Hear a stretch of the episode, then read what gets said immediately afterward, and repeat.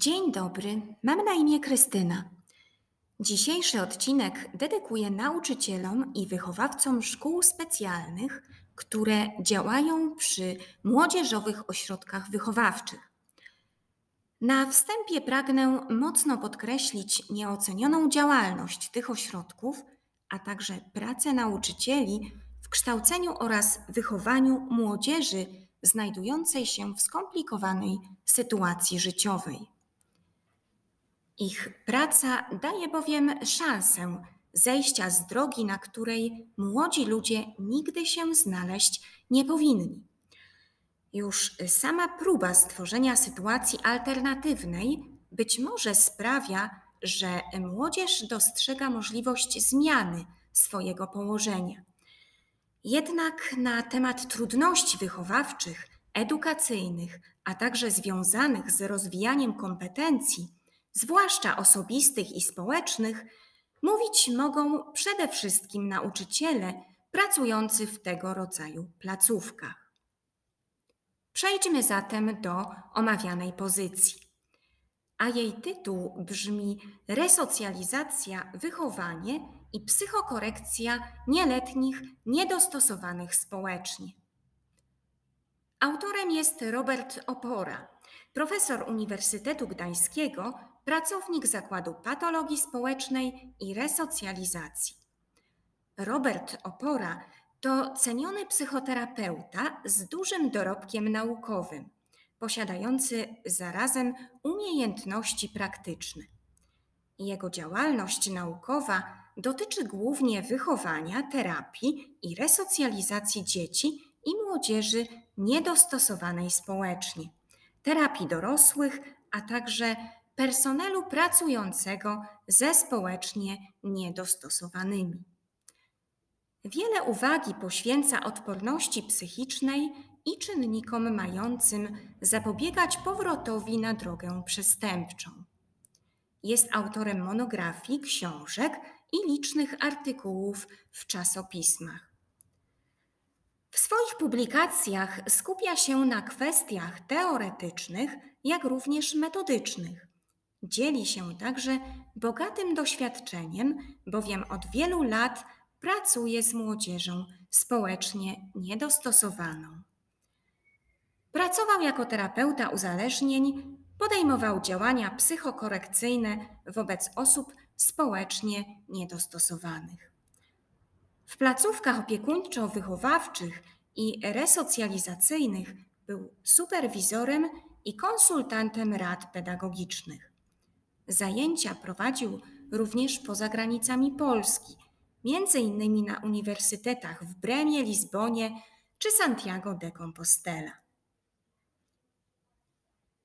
Książka Resocjalizacja, wychowanie i psychokorekcja nieletnich niedostosowanych społecznie jest adresowana, jak mówi autor we wprowadzeniu, do osób, które chcą rozwijać umiejętności wychowawcze niezbędne w pracy mającej charakter resocjalizacyjny. Autor poleca ją zarówno studentom, jak badaczom, pedagogom resocjalizacyjnym, psychologom czy socjologom zainteresowanym tą tematyką. Wszystkim, którzy szukają inspiracji badawczych w zakresie psychoterapii i psychokorekcji lub pragną rozwijać swój warsztat pracy. W pierwszym rozdziale autor zaznacza, że istotną, choć nie jedyną rolę w tworzeniu współczesnych programów prewencyjnych grają teorie poznawczo-behawioralne. Cel zaś tychże odznaczających się wielorakością programów stanowi kształcenie umiejętności niezbędnych do osiągania satysfakcji z życia na poziomie osobistym, jak i funkcjonowania w wymiarze społecznym. A wśród pożądanych umiejętności należałoby wymienić zdolność oceniania i rewidowania własnych poglądów, przewidywania, ponoszenia konsekwencji swoich czynów, kreatywności, krytycznego myślenia, planowania, radzenia sobie ze stresem, rozwiązywania sytuacji trudnych.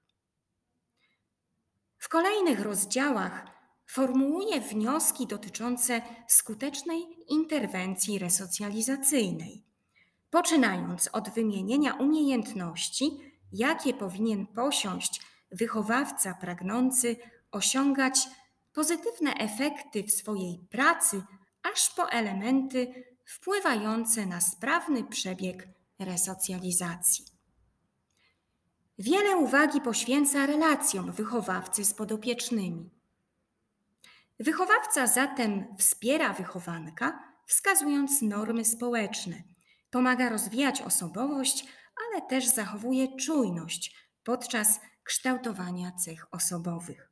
Obserwuje jego stosunek do innych ludzi, przygląda się, czy młody człowiek nie powiela na przykład schematów zaistniałych w jego mentalności na skutek niektórych wzorców otrzymanych wcześniej. Autor wskazuje, iż odpowiednie relacje wychowawcze pozwalają właściwie zdiagnozować problemy podopiecznego, skutecznie motywować do zmian i zintensyfikować współpracę. Podkreśla, jak istotna w relacji wychowawczej jest konsekwencja, dostarczanie podopiecznemu uzasadnienia oraz informacji zwrotnych na temat jego postępowania. W publikacji nie brakuje również konkretnych zaleceń, jakie kroki podejmować na kolejnych etapach procesu resocjalizacji, poczynając od pierwszego kontaktu wychowawcy, nauczyciela z podopiecznym, aż po dalszą drogę, którą przebywają już wspólnie. W następnych rozdziałach sporo miejsca zajmuje między innymi motywowanie wychowanków, poszukiwanie mocnych stron i wzmacnianie samooceny jako czynników niezwykle istotnych w resocjalizacji. Elementy procesu resocjalizacyjnego są skorelowane z poszczególnymi jego etapami i powinny być realizowane w zależności od przebiegu tegoż procesu. Zachęcam do sięgnięcia po książkę Roberta Opory, może w celu uzyskania konkretnych odpowiedzi i wskazówek, a być może by znaleźć w niej inspirację. Szczerze też polecam inne jego publikacje, w których porusza problem resocjalizacji młodzieży i nie tylko.